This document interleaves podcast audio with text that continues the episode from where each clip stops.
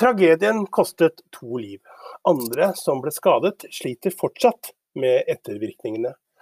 Tre år etter den voldsomme eksplosjonen med Metallco på Eina, står bedriften, styreleder og daglig leder tiltalt i Gjøvik tingrett. Ingrid Tønseth Myhr fra Vestre Toten, 21 år, kan komme på Stortinget til høsten. Men ikke alle ville ha henne på tredjeplassen på stortingslista for Arbeiderpartiet. Hun manglet industribakgrunn. Hva tenker hun om det nå etterpå? Mitt navn det er Erik Sønsteli, og jeg skal få lov til å lede dere gjennom den neste drøye halvtimen. Hvor vi også skal møte Kappingen, som akkurat nå leder det polske håndballandslaget i EM. Eh, og styrelederen i Raufoss fotball, han forteller hvor i norsk fotball laget fra Vestre Toten er om fem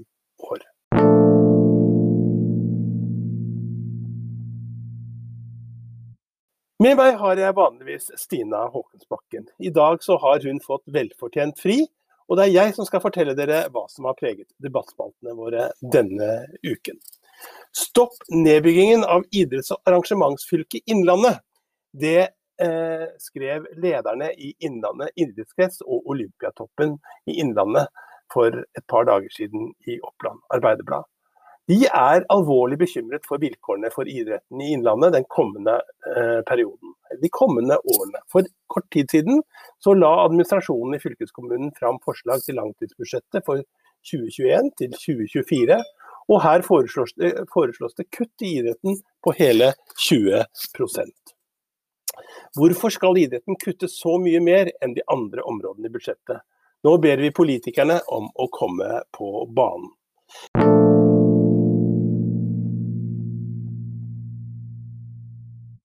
Arne Senstad, 51 år, fra Kapp og landslagstrener for Polen. Nå ser vi deg på TV.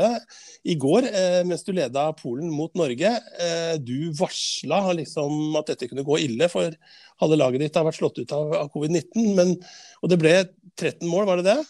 Det ble 13 mål, ja. ja. Hvordan er du fornøyd med det?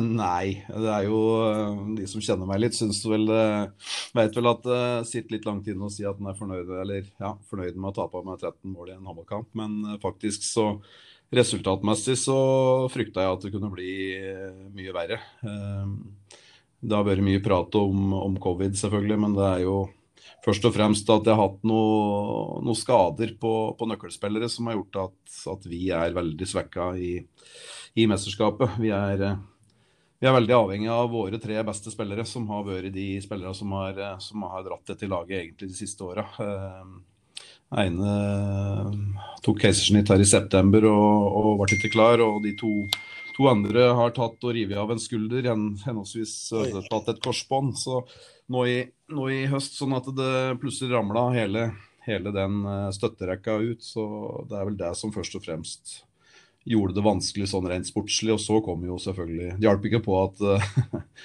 tolv av de seksene jeg starta med i går, hadde akkurat vært gjennom, eh, gjennom det viruset.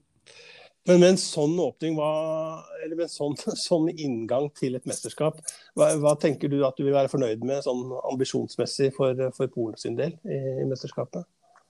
Nei, det blir, jo, det blir jo som det har skrevet litt om, at vi er Vi må bare egentlig være uh, happy for at vi er her og, og, få lov til å teste oss mot de lagene. Det er å skaffe seg erfaring for, for de som ikke har vært vant med å stå og spille mot den type motstand. Og da må vi òg regne med at det kommer til å smelle litt. Så jeg var veldig mm. forberedt på det i går. Jeg blir jo hele tida beskyldt for å prate med eget lag, selvfølgelig, når du sier noe sånt. Jeg frykta at det kunne bli i hvert fall 20, og det kunne det jo ha blitt. Vi, men vi, vi leverte en ålreit førsteomgang og skårer mye mål på Norge. og Det er jeg kjempefornøyd med og kjempestolt av. For det var ikke noe det var ikke gitt at skulle skje. Og så så han vel i andre omgang at det, det, det, er noe annet å møte det Ferrari-laget fra Norge enn å spille i den polske ligaen. Så, så det var som sagt viktig erfaring. Så får vi ta kamp for kamp nå videre. Men eh, du snakker om, eh, om Norge. Hvordan, hvordan, så, hvordan, opplevde du Norge? Og var det noen som du syns eh, overraska deg positivt? Nei, Dessverre så opplevde jeg det om akkurat sånn som jeg har opplevd dem før. Si, at Det er et vanvittig godt håndballag med utrolig gode uh, individualister. og som er Altså det er, som jeg sier, det er, det er Formel 1. Det er Du ser jeg har jo alltid hatt sansen for sånn som uh, Stine Oftedal, uh, som er uh, som har slått igjennom sånn som hun har gjort. Og, og det var jo det er ikke så mange år siden som det liksom var utelukka at spillere under 1,80, 1,85 kunne bli, kunne bli bakspillere i, i damehåndball. Men 1,90 kanskje. Og nå, eller har jo, hun var jo en av de som var med å motbevise det. og, og det er nesten umulig for sånne som mine, som ikke da er vant med å møte sånn type spillere, til å stå imot. For det går så inn i hampen fort. og, og det er den ene, men da, da, har du liksom du har, Hvis du skal bytte ut hus, så kommer Henny Reistad på, som kommer til å bli en verdens beste håndballspiller igjen et par år. Eh, og så har du Veronica Christiansen, og så har du Mørk, og så har du Løke, og så har du Herrem, og så har du Så det er et, eh, nei, det er et vanvittig godt håndballag med gode, gode spillere all over. Tror du Torer og jentene kan ta det vei, hele veien hjem i dette mesterskapet, eller? Ja, ja. Det, det, de er jo de største favorittene, jeg er ikke noe i tvil om det. Og der må, de, der må de jo tåle å høre. Så de har, mm. de har, de har det laget. Så, men det er klart det er et, det har begynt å bli andre òg som kan, kan spille håndball på, på damesida. Så jeg gleder meg til å se altså, et Frankrike, hvordan det vil se ut. Det er mye bra spillere der. og nå er jo en del av de andre lagene litt uh, svekka. Uh, Russland har mista noen. De har fortsatt mange gode, men uh, kanskje mistet et par-tre av sine aller viktigste. Så, så jeg, ja, ja, Norge er absolutt den største, syns jeg. Favoritten. Og så kanskje litt foran Frankrike. Men eh, jeg tenker på hvis vi eh, ser litt eh, Jeg sitter og prater med deg her på Vestbredden. og Hva slags ambisjoner syns du med hele din bakgrunn at vi bør ha for håndballen i Vest-Oppland? Hva skal til for at vi får et lag i toppen igjen? Det er det nok mange som har hatt mange meninger om opp igjennom. Og de siste åra har det ikke akkurat sett veldig bra ut.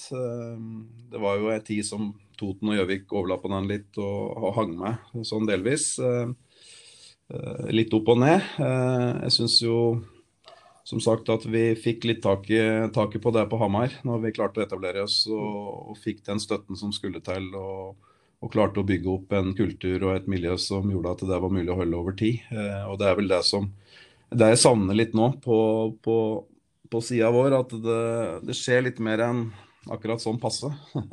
Men det er klart det det er, mange ting samtidig som skal til. Det er, eh, jeg har litt for liten oversikt hvordan det drives i Yngres uh, i de forskjellige klubba. Jeg vet jo at det er fortsatt ålreit uh, uh, aktivitet i mange av de klubba der det bør, bør smelle litt. Men jeg føler jo at sånn som Nå er det vel Jeg tror tida er over der en kan tenke at Toten eller Skreia kanskje er eh, altså at det er det som skal bli det neste. Jeg tror vel det er Gjøvik som skal være det laget som eventuelt, uh, hvis du tenker helt opp i elite, med, med tanke på nedslagsfelt uh, sånn rent økonomisk. Så det, det, er, det, er, mange ting som må skje samtidig. Du må i gang med noe som trykker til ordentlig på det sportslige, og så må det selvfølgelig da støttes opp av næringsliv og alt rundt. For det, det, det, er ikke noe tvil om at det koster litt og sånn rent økonomisk i dag å kunne henge meg helt oppe i toppen. Eh, det har skjedd mye på Hamar siden, siden vi gikk opp sammen med Gjøvik for ja, 2006, var det det, som begge,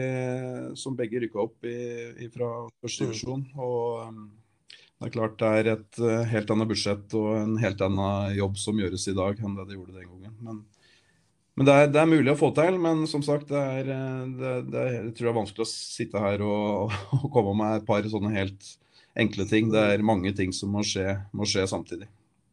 Mm. Men at, at, næringslivet støtter opp det er, og klinker til, det er helt nødvendig. Ja, altså du, du har jo ikke sjans i dag å kunne være med oppi der hvis du ikke, hvis du ikke er, har sjans til å For det, det koster. og og dette her med å, Det er jo fortsatt en del uh, idealister rundt omkring som tror at du skal kunne klare å, å bygge opp et elitelag med kun, kun lokale spillere. Det, den, den, er, den, tror jeg, den, tror jeg, bare blir å drømme. Uh, selvfølgelig er det veldig fint å kunne ha en basis, men også koster det da å ha Hvis du skal hente noen som da uh, ja, drar det litt den riktige veien. Det syns jeg vi var gode og heldige med på Hamar. At vi klarte å hente inn noen som var så gode at de faktisk var med og dra det, opp, sånn at de andre fikk noe å, å strekke seg etter. Og så, Og så var det da selvfølgelig veldig bra å kunne få opp egne òg. Men det, du ser jo Gjøvik har, har, jo i dag en spesielt en 98-generasjon som det ble en del spillere av som er ute og spiller eliteserie. Ja, vi skulle klart å få tilbake noen av dem til Gjøvik, da. Drømmen til Befringen er jo å få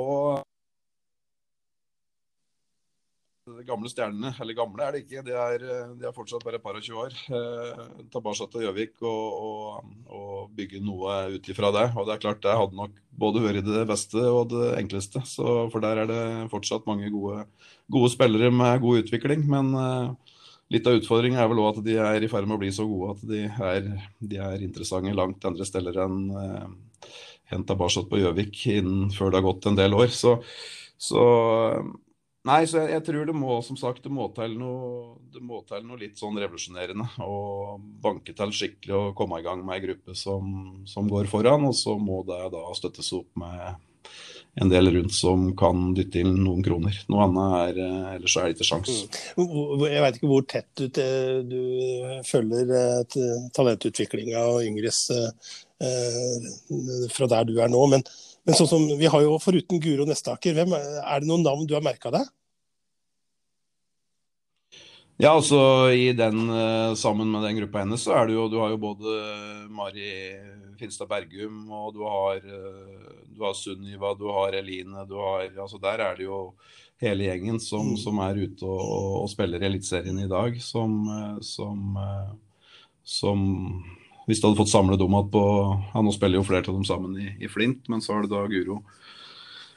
Guro i tillegg. Eh, så det er klart, hadde du fått samla dem igjen og fått fylt på med noen rundt der, så hadde jo det allerede vært et, eh, et lag du kunne, kunne gått, i, gått i bresjen med. Så, så, men, men, bak der så jeg, har jeg for lite peiling på hva som har eventuelt dukka opp de, de siste åra. Så mm. Det er jo Unge, unge Moen er jo over på Hamar, så der er det jo noe lokale Går jo an å hente over at noe der etter hvert, vil jeg tro. Så Ellers så har jeg som sagt jeg har for lite. Ja. lite, lite ja. Men nå er, det, nå er, det, Polen, nå er det EM. Eh, og, eh, og, og, så blir det jo jul da, eh, etterpå. Eh, når du setter kursen hjem til Kapp, da, hva, hva, er det du gleder deg til Eh, i jula? På, hva er det du gleder deg mest til å komme hjem til til jul? Ja, si det. Nå er det først og fremst å komme seg gjennom Det er tøffe dager her. altså Det er jo selvfølgelig en ære og en, du er stolt av å få være med på noe sånt noe som dette her. Men jeg kjente nå, nå har det gått to uker i ett kjør her siden, vi, siden jeg kom ned til Polen og startet oppkjøringa. og nå nå var det, jeg tror det var to, ja, en og en halv times søvn i natt. Så etter å da gått gjennom egen kamp og, og Romanias kamp og, og, redigert og klipt og forberedt og møter og trening i dag. Og, så det er klart det er moro og det er fint, så, men det skal bli godt å komme hjem igjen. Så får vi se. Jeg tror hun godeste Løke hjemme har tenkt å dra med seg dra med seg tjukken ned til Sandefjord, så det er vel det det ligger an til. Men eh, det skal bli godt uansett å komme hjem igjen og få, få, få, noen dager sammen med familien etter at en har vært i, denne bobla her. For det er klart det er, det er ganske spesielt. Det er, som jeg sier, det er veldig, veldig moro og veldig en stor ting å få være med på. Men eh, det er ganske Det er jo en del spesielle omstendigheter i, i dette her i år. Mm. så det blir å eh, komme seg hjem igjen og helst få hivet på seg skia litt og få trimmet av seg noen kilo som har kommet nå i løpet av de siste 14 dagene. For det er mye god mat.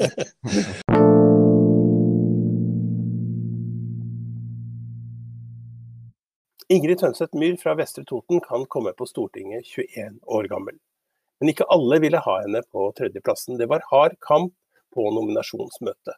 Hun manglet industribakgrunn, Tonje Bergum Jahr, lederen i Vestre Toten Arbeiderparti, eh, tror imidlertid at eh, Arbeiderpartiet kan komme til å få glede av den unge politikerne i mange tiår framover. Jeg må jo si jeg blir ekstremt takknemlig for alle de som har stemt på meg og gitt meg den tilliten til å stå på tredjeplass. Så det, det tar jeg virkelig ikke lett på. og det eh, gjør at jeg står opp tidlig om morgenen og legger meg seint i seng, for nå er det på tide å, å vise at den tilliten må jeg gjøre meg verdig. Den tar jeg ikke lett på.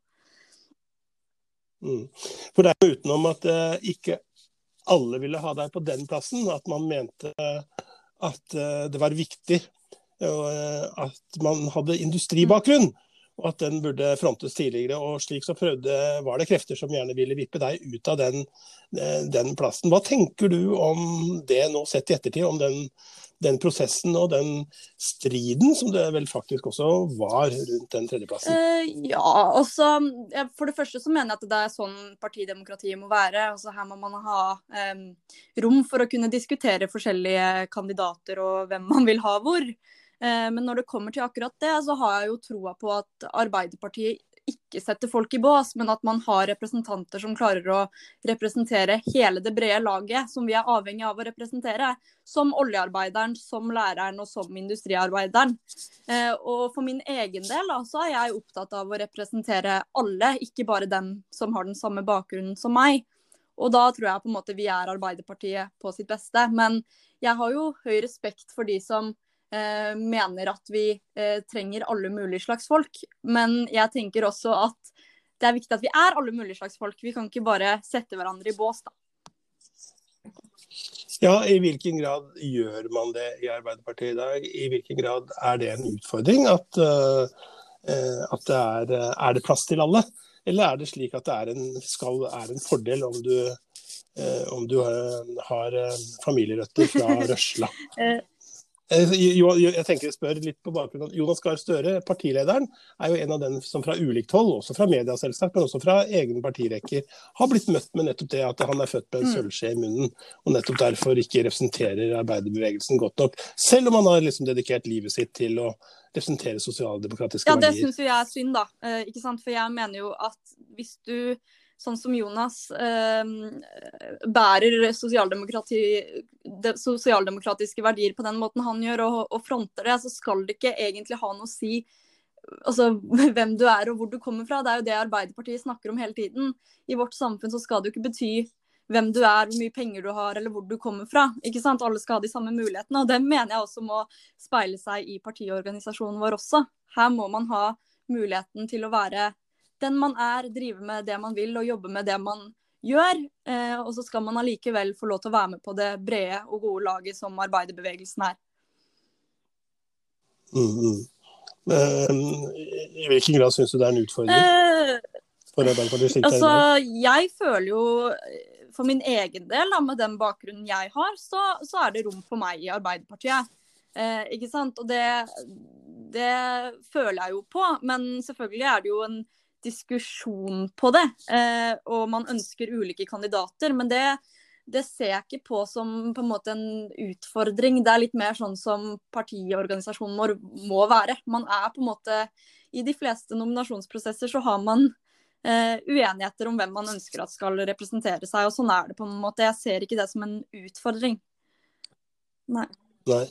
Men, men eh, ja, Hva med din bakgrunn? Kort, hvem er Ingrid Tønseth Myhr? Eh, jeg er da 21 år. Eh, jeg har drevet med politikk siden jeg var 11. Eh, meldte meg inn i AUF da. Har Ja, jeg har jo drevet med politikk siden da. Vært ekstremt opptatt Altså, det som fikk meg til å melde meg inn, det var jo urettferdighet. Jeg hata urettferdighet. Og det bærer jeg liksom med meg fortsatt. Jeg vil skape et samfunn eh, hvor folk ikke opplever urettferdighet, enten om du er kvinne, du er minoritet eh, eller du er arbeidsfolk. Eh, alle skal ha de samme eh, mulighetene og rettighetene. Eh, ellers sånn utenom så er jeg jo veldig glad i idrett og veldig glad i, eh, i verdens beste fotballklubb, Raufoss Fotball. og har spilt noen år der og drevet med med fotball der. Eh, og er også veldig sånn kulturjente. Drevet med teater og sang i mange år. Eh, men til slutt så ble det liksom politikken som jeg har drevet mest med. Og nå, akkurat nå så studerer jeg litt på sida og eh, jobber. Mm. Hva studerer du? Eh, akkurat nå så tar jeg opp fag eh, for å prøve å komme inn på juss, men det er veldig vanskelig. så vi får se hvordan det går. Og det er jo, nå sitter jeg jo også på fylkestinget og i kommunestyre og formannskap. Så det er jo klart at det å prøve å kombinere det med studiet, det har jeg ikke helt skjønt hvordan jeg gjør ennå, men jeg skal prøve å få det til på et eller annet vis. Ja. Veldig bra. Eh, eh, eh, mm. På en måling nå for, som Sentio altså har laget en måling eh, for Høyres hovedorganisasjon. Den er ikke offentliggjort, men den tidligere redaktøren i, i mm. GD, Halvard Grotli, han kunne avsløre denne for et par dager siden. Der fikk Arbeiderpartiet 28,6 altså en tilbakegang på 6% Hva tenker du om det resultatet? Eh, nei, altså jeg tenker For det første så er det viktig å eh, ikke få panikk. Altså, vi, det er én måling. Eh, og jeg tror Altså det er jo ikke bra. Eh, det er jo ikke det vi ønsker. Men for meg da, så handler politikk om at folk har tillit til løsningene som man lanserer, og at de er bra for folk. Jeg tror på programmet til Arbeiderpartiet, og nå må vår jobb være å legge til side alt annet og snakke om våre løsninger. Eh, og drive en god valgkamp, sånn at folk får eh, god tro på at det er Arbeiderpartiet som har løsninga til folk. Mm. Hvis eh, du bestemte alt, hadde jeg nær sagt, eh, hva, ville, hva, er det viktigste eh, du ville gå løs på for å gjenreise Arbeiderpartiet som ørn i norsk politikk? Eller, eller ja, og, og, og, kanskje mm. Innlandet spesielt, som, som som selve på en måte litt sånn hjertet i Arbeiderpartiet. Iallfall så er Arbeiderpartiet tradisjonelt mm. veldig sterkt her. Altså, jeg tror ikke det finnes ett svar på det. Det er nok, Vi skal nok jobbe hardt. Men for min egen del så vil de sakene som jeg løfter frem, det vil være unge som står utenfor arbeidslivet. Vi ser en skummel trend på det nå, og det må vi være tydelig svar på. Vi ser at ulikheten mellom folk øker. Eh, det må vi også ha gode svar på. Eh, og så selvfølgelig ønsker jeg å kjempe for eh, klima og miljø. Hvordan vi skal klare å forene klima med grønne arbeidsplasser. Og hvordan vi skal klare å kutte i utslipp, sånn at ungdom ikke bekymrer seg for fremtida si. Det er liksom mine viktigste saker å kjempe for. Og det tror jeg også, hvis Arbeiderpartiet klarer å levere godt på de sakene, så tror jeg vi er godt på vei. Men eh, som sagt så tror jeg ikke det finnes ett svar. Her må alle brette opp ermene og begynne å jobbe med god politikk og en god valgkamp, sånn at vi kan klare å gjøre det så godt som vi har ambisjoner for her i Oppland og Innlandet. Tre år etter den voldsomme eksplosjonen på Metallco på Eina, som tok to liv, så står eh, bedriften, daglig leder og styreleder tiltalt for å ha brutt arbeidsmiljøloven. Det pågår akkurat nå en flere uker lang rettssak i Gjøvik tingrett. Og der har du vært eh, redaktør i Toten i dag, eh, Espen Solhaug. Hvorfor er denne saken så viktig? Den er jo først og fremst veldig viktig pga. at det var ei veldig grufull ulykke på nesten nøyaktig tre år siden, som satte ikke minst veldig menneskelige spor i den kraft av at det var to, to, ansatte som gikk bort. To ble skada, og den satte veldig synlige spor i et lokalmiljø. Når en eh, fabrikk går i lufta på den måten, så vil det jo prege bygda i lang tid, og preger jo fortsatt eh, bygda og folka som bor der. Og så er det jo det at det er to nøkkelpersoner i selskapet som nå er på tiltalebenken. På en måte da sammen med selve selskapet, da, som risikerer en ganske stor foretaksstraff. Så denne uka så har vi vært gjennom eh, Eller vi i pressa da, følger eh, rettssaken digitalt. Eh, vi har hørt aktors innledninger. Forsvaret komme med sine bemerkninger til det og da vært gjennom ganske detaljert forklaring av ikke minst uh, tidligere daglig leder Terje Lofthus.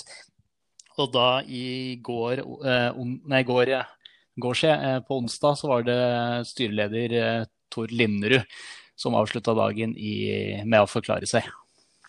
Og begge har erklært seg ikke skyldige, og de har vel sagt at de stiller seg nokså uforstående til hvor detaljkunnskap som ja, f.eks. en styreleder skal ha. Mm. Det er jo, var jo noe av det mest interessante her på, på onsdagen. Eh, det med hvor mye skal en styreleder eller et styre ha detaljkunnskap om? Og det kom jo etter eh, flere dager med daglig leders veldig inngående forklaring på hvordan ting var organisert på Metallco. Han har jobba i den bransjen her i over 40 år og vært daglig leder utpå der i holdt jeg på å si, alle år frem til han nå gikk av eh, i høst. Eh, og styreleder av Tor Linderud han har jo ikke den erfaringa i dette faget som Lofthus har. Så det er jo en interessant eh, diskusjon. For dette holder for alle som driver med daglig ledelse og styrearbeid. Så handler dette rett og slett om, om HMS, om, mm. om, hvor god kontroll. Og det var eh, Man sier at man hadde, hadde sterk kontroll med, med produksjonen på, på, Metallco, men det er også kommet for dagen noen avvik, hvis jeg forstår riktig, Espen? Gjennom, gjennom det som har kommet fram i retten? Ja, eh, sånn et premiss her er jo at eh, ledelsen da mener jeg både styreleder og daglig leder mener jo at de gjorde det de kunne for å ha en så hva skal jeg si, trygg smelteprosedyre som overhodet mulig. Og det ble flere ganger sagt at den måten Metallco smelter på, smelter såkalt tørt, da, eh, er den mest trygge måten å gjøre det her, her på. Eh, mens da på utspørringa av Terje Lofthus så var vi flere ganger gjennom type risikovurderinger og system for å føre avvik. Der det bl.a. kom opp eh, et par eksempler på eh, hva skal jeg si, gassflasker som hadde blitt funnet i, i hva skal jeg si, i feil haug. Eh, de kjøper jo Metallco Aluminium kjøper jo f.eks. metallskrot fra f.eks. Metallco Oppland, tidligere Oppland Metall eh, på Gjøvik. Bl.a. gamle felger da, fra biler. Der en sånn flaske hadde blitt funnet, eh, som var et tydelig avvik. Eh, det ble også vist SMS-er, eller MMS-er, fra noen ansatte på det, de aktuelle skifta, som sendte da beskjed til ledelsen at nå ble det og det funnet, og det kunne gått Sånn kan vi ikke ha det fordi det kunne gått, gått ille. Ehm, det ble bl.a. påpekt fra en ansatt at det var flere beholdere som hadde inneholdt, eh, inneholdt uh, citat, mye vann. Og det er jo, som vi jo vet, det har vært omtalt flere ganger, så er det jo det at det er inneslutta vann som har kommet i kontakt med smelta aluminium, som da skal ha, eller kan ha da utløst denne eksplosjonen her, som da de rapporta eh, viste til. Det har jo ledelsen eller da spesielt da tidligere daglig leder, avvist nettopp fordi det var en såpass stor eksplosjon som da inneslutta vann, i hans mening, da ikke kunne, kunne ikke ha ført til en så stor eksplosjon. Så her er det litt forskjellige tolkninger og kart og terreng. da. Men Espen, eh, hva er, som, eh, hva er, det som, skjer til neste uke? For denne skal pågå ganske lenge, denne rettssaken? Det er satt av totalt 13 dager i retten, eh, og det er tre dagers uker. Og prosedyrer, sluttprosedyrer er jo da venta i begynnelsen av januar.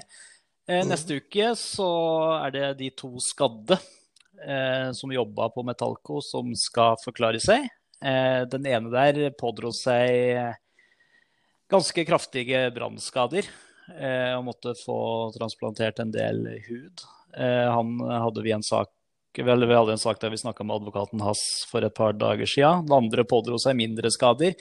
Det som er felles med de begge, er at de har da fått diagnosen posttraumatisk stressyndrom etter det her. Um, tirsdag, så da er det bl.a. de to enkene da, etter de to omkomne som skal forklare seg. Samme dag skal òg mm. da retten på en befaring på fabrikken på Eina. Nå er den naturlig nok bygd opp igjen, så det Vi får se hva de får ut av det, men det blir vel litt å se på arbeidsprosedyrer. Men um, eh, hva risikerer de hvis, hvis, de skulle bli funnet uh, skyldige, da, eller uh, domfelles av, av retten, hva er, det, hva er, det, de risikerer å få for, for, straff, bedriften og de tiltalte? De to tiltalte er jo på en måte tiltalte som det handla på vegne av selskapet. Så selskapet mm. Metallco Aluminium Nå skal jeg sies, nå har vi vært gjennom en veldig innfløkt forklaring på det organisasjonskartet her. Type Metallco Aluminium, eh, Metallco Oppland eh, og historikken eh, der. Eh, Metallco Aluminium risikerer jo da en foretaksstraff, som det heter, på over 5 millioner kroner. Den mm. Eh, straffen i den første opprinnelige tiltalebeslutninga fra februar, så var den på vel 2,5 eh, million, eh, oppjustert til 3 millioner, fordi det var da fradrag Strafferabatten frafalt da foretaket ikke vedtok det forelegget. Eh, saken da oversendt fra Innlandet politidistrikt til Økokrim, som jo aktor representerer her, så jo på den med sine øyne og oppjusterte den foretaksstraffa. Rett og slett på bakgrunn av, som vi skrev, alvoret i ulykka og økonomien til selskapet. Økonomien til selskapet på da det tidspunkt. Og da ble det oppjustert til 4 400 000. Foretaket godtok ikke forelegget, og derfor da risikerer de da et forelegg på 5,3 millioner kroner. Og det er jo da Cato Schjøtt som representerer selskapet, som har gått veldig ut mot det helt fra start av. Eh, ikke minst fordi han mener at det er selskapets økonomi per nå som gjelder, som jo har blitt veldig dårlig, mye dårligere etter ulykka. Eh, daglig leder risikerer vel da ytterste konsekvens eh, fengselsstraff, men da må vi da komme tilbake til straffepåstand om det da blir betinga, f.eks. Mm, mm, nettopp. Vi får se hvordan dette utvikler seg, eh, Espen. Du kommer til å følge saken eh, viktigste sider, iallfall, eh, i dagene og ukene som kommer for Toten i dag og Oppland Arbeiderblad.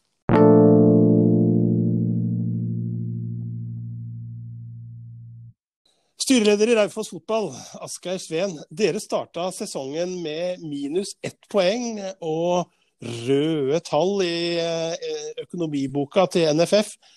Nå er det kraftig forbedra økonomi, og dere spiller faktisk om kvalikplass. For å ta økonomien først, hva er det dere har gjort for å klart å snu eh, den negative økonomien eh, så bra som dere har gjort? Det er jo flere elementer, men det to viktigste er jo at vi gjennom eh, de siste to åra har jobba veldig med likviditeten i fotballen. Og det er jo den som har hele tida vært utfordringen eh, vår. Um, så vi har jo da gått med et likviditetsmessig overskudd i fotballen som har bedra dette her. Og så er det klart at, eh, at det er jo konsekvenser av at hallen kommer inn i konsernet som òg er med på å forbedre økonomien sånn sett. Mm, mm.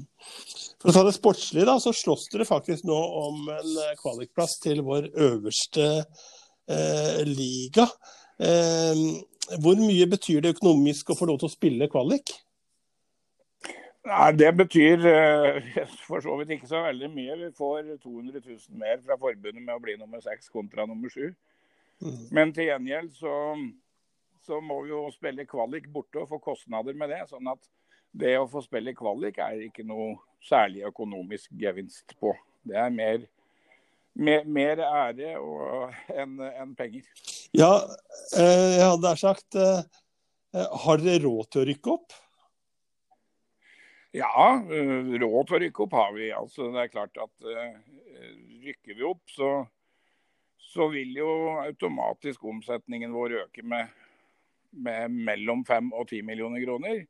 Eh, det som vi må passe på, er jo at vi vi kan jo ikke bruke mer penger enn det vi har. og det er klart at Når valget mellom å eventuelt rykke ned og, eh, og i forhold til å ta sjanser økonomisk, så er vi tydelige på at det er økonomien først. Så Vi har råd til å rykke opp, men vi må ha en ansvarlig drift som gjør at vi definitivt vil ha mye lavere, mindre ressurser enn de fleste av konkurrentene. Mm. Denne uka har jo vært eh, fantastisk Raufoss-uke i den forstand at eh, en eh, splitter ny storhall er, eh, står eh, klar og er eh, åpna. 60 mill. mener jeg har lest i OA. Og så er det vel 30 mill. som er brukt på Nammo stadion. Men hva skal den nye hallen hete?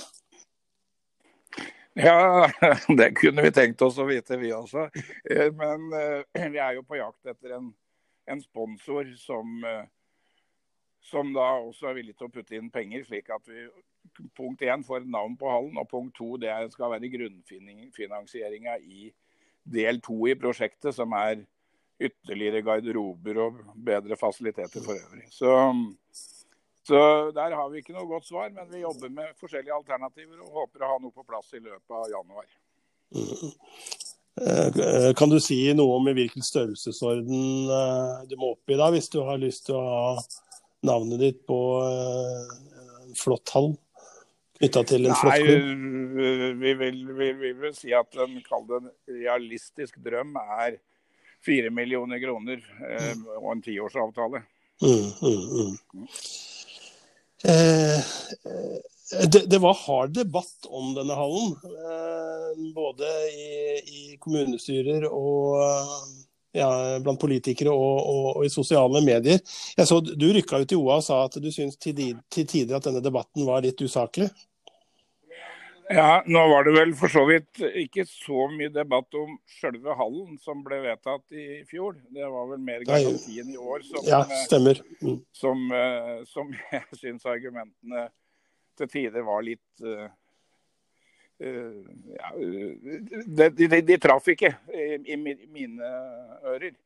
Den kortversjonen er vel egentlig den at um, um, Vestre Toten kommune har jo vært meget behjelpelig overfor Øfoss fotball gjennom mange år. Men når det gjaldt den garantien, så var jo ikke det snakk om å, å, å, å, gi penger i det hele tatt. Det var snakk om at fotballen skulle refinansiere sine lån. Det var ikke snakk om økte lån.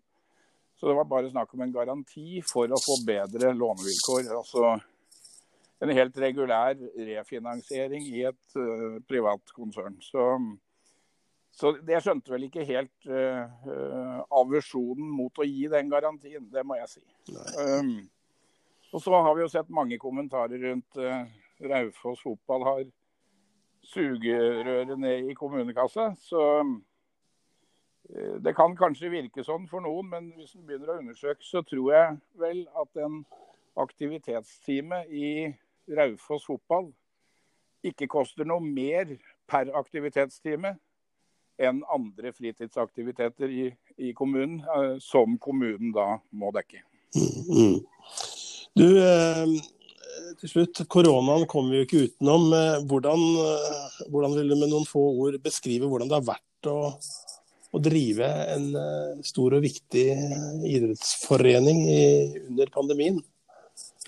Nei, Det har vært uh, utfordrende, men uh, vi har jobba bra sammen med kommunelegen. Vi har uh, hatt et fantastisk frivilligapparat som allerede to og en halv uke etter koronaen kom, så var vi oppe og trente igjen for de yngste lagene. Innenfor da sjølsagt de smittevernregler som var. Men uh, det har vært spesielt, det har vært utfordrende, men det har vært en fantastisk innsats. Og jeg tillater meg å hevde at vi kanskje er den, best, den klubben som har kommet best ut av det i regionen her, i forhold til å opprettholde aktivitet. Mm.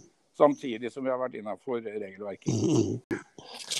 Men eh, hvor spiller Raufoss om fem år, Askersveen? Vi har jo en uh, uttrykt uh, et, et, target, for å kalle det på godt norsk, uh, hvor vi har sagt Raufoss Eliteserien tre til fem år. Og det er jo noe vi definitivt jobber med. Det vi mener nå i, i, fotballen, er vel at vi har nå sportslig tatt så store steg at vi er nødt for å administrativt også fylle etter, slik at drifta blir like profesjonell i alle ledd. Så vi kjører nå en organisasjonsprosess og strategiprosess som starter på nyåret. Og, og der er målsettinga Eliteserien tre til fem år. Da er det på tide å dele ut blomster. Vi har jo denne tradisjonen i dette programmet at vi eh, gir en virtuell blomst til eh, enten den som trenger en oppmuntring, eller den som trenger vår, eller fortjener vår hyllest i dag. Og i dag går blomsten til smittesporingsteamet i Gjøvik kommune. Vi har delt ut blomst til dem før, men denne uken så hadde vi en reportasje eh, som viste hvordan det var når disse jobbet. Noen føler nemlig skam, andre vet de er smittet eh, og trenger en bekreftelse. Eller noen eh, gråter, blir lei seg, eller rett og slett blir sinte og skjeller eh, smittedetektivene ut.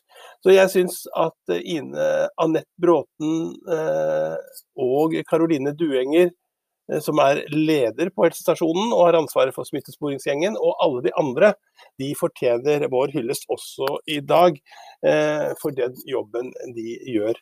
Jeg vil også slå et slag for eh, helgens store eh, satsing fra Oppland Arbeiderblad. Det er reporter Kristin Stavik Moshagen som har sett nærmere på hva som skjedde i de dramatiske dagene da smitten tok av i Gjøvik kommune. Hun har snakket med alle de sentrale eh, som satt og jobbet med å bekjempe dette, og, eh, og kan fortelle en spennende historie, forhåpentligvis, Eh, for deg eh, om hvordan eh, våre folkevalgte og våre medisinske ledere bekjempet pandemien i oktoberdagene. Og folkens, det nærmer seg jul, og hvordan jul blir det? OA har forsøkt å gi deg svaret. Smittevernreglene de fikk vi denne uken, og du kan invitere fem personer hjem som vanlig. Men i løpet av julen kan vi invitere ti personer to ganger. Eh, med betingelsene om at man kan opprettholde smitteverntiltakene om avstand. Det er lov å reise hjem til jul, så sant man ikke har symptomer. Så folkens, Er vi flinke nå framover, så blir det jul på oss. Hva skjer i helgen? Eh, det er jo ikke så mye, men hvis du er sportsinteressert, så vil jeg tipse deg om å vende blikket mot eh, Lillehammer. Der er det NM i hopp. Og eh, Maren Lundby, Kolbuhopperen, født og oppvokst på Bøverbru, hun er i storslag, vil vi si. Vi hadde en sak nå i denne uka, hvor hun hoppa NM-bakken på Lillehammer eh, ned. Og Opplandslaget tvitra etterpå 'she's back' som et eh, skremmeskudd til verdenseliten.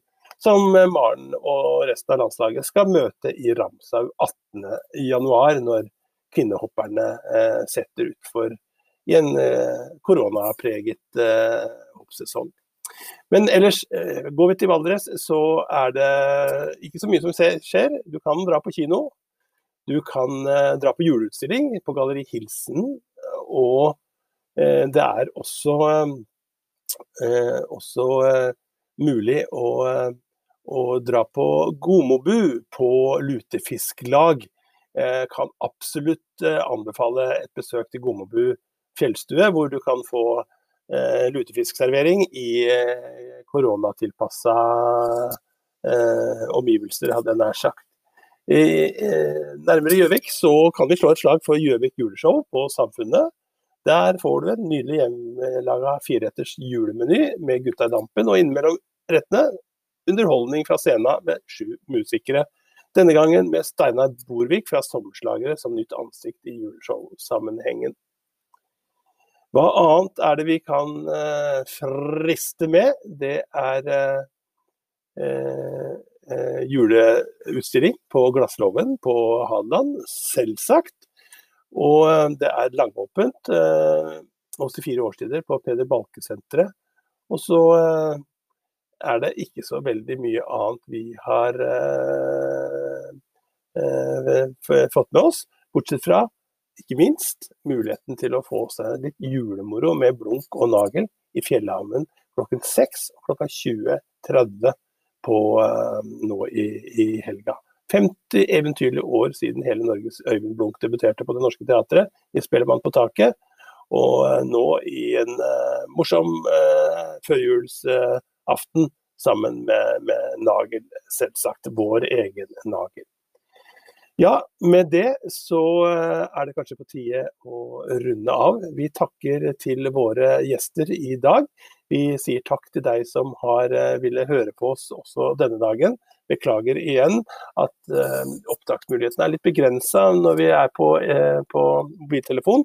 Det fører til at, at stemmene av og til blir forsinka i forhold til hverandre, som gjør at det høres ut som vi snakker i munnen på hverandre. Vi gjør ikke det i virkeligheten, jeg lover. OA-podden og andre podkaster finner du på podkastappen din. Eh, hør gjerne på dem. Og ellers så må du ha en riktig god helg sammen med dine.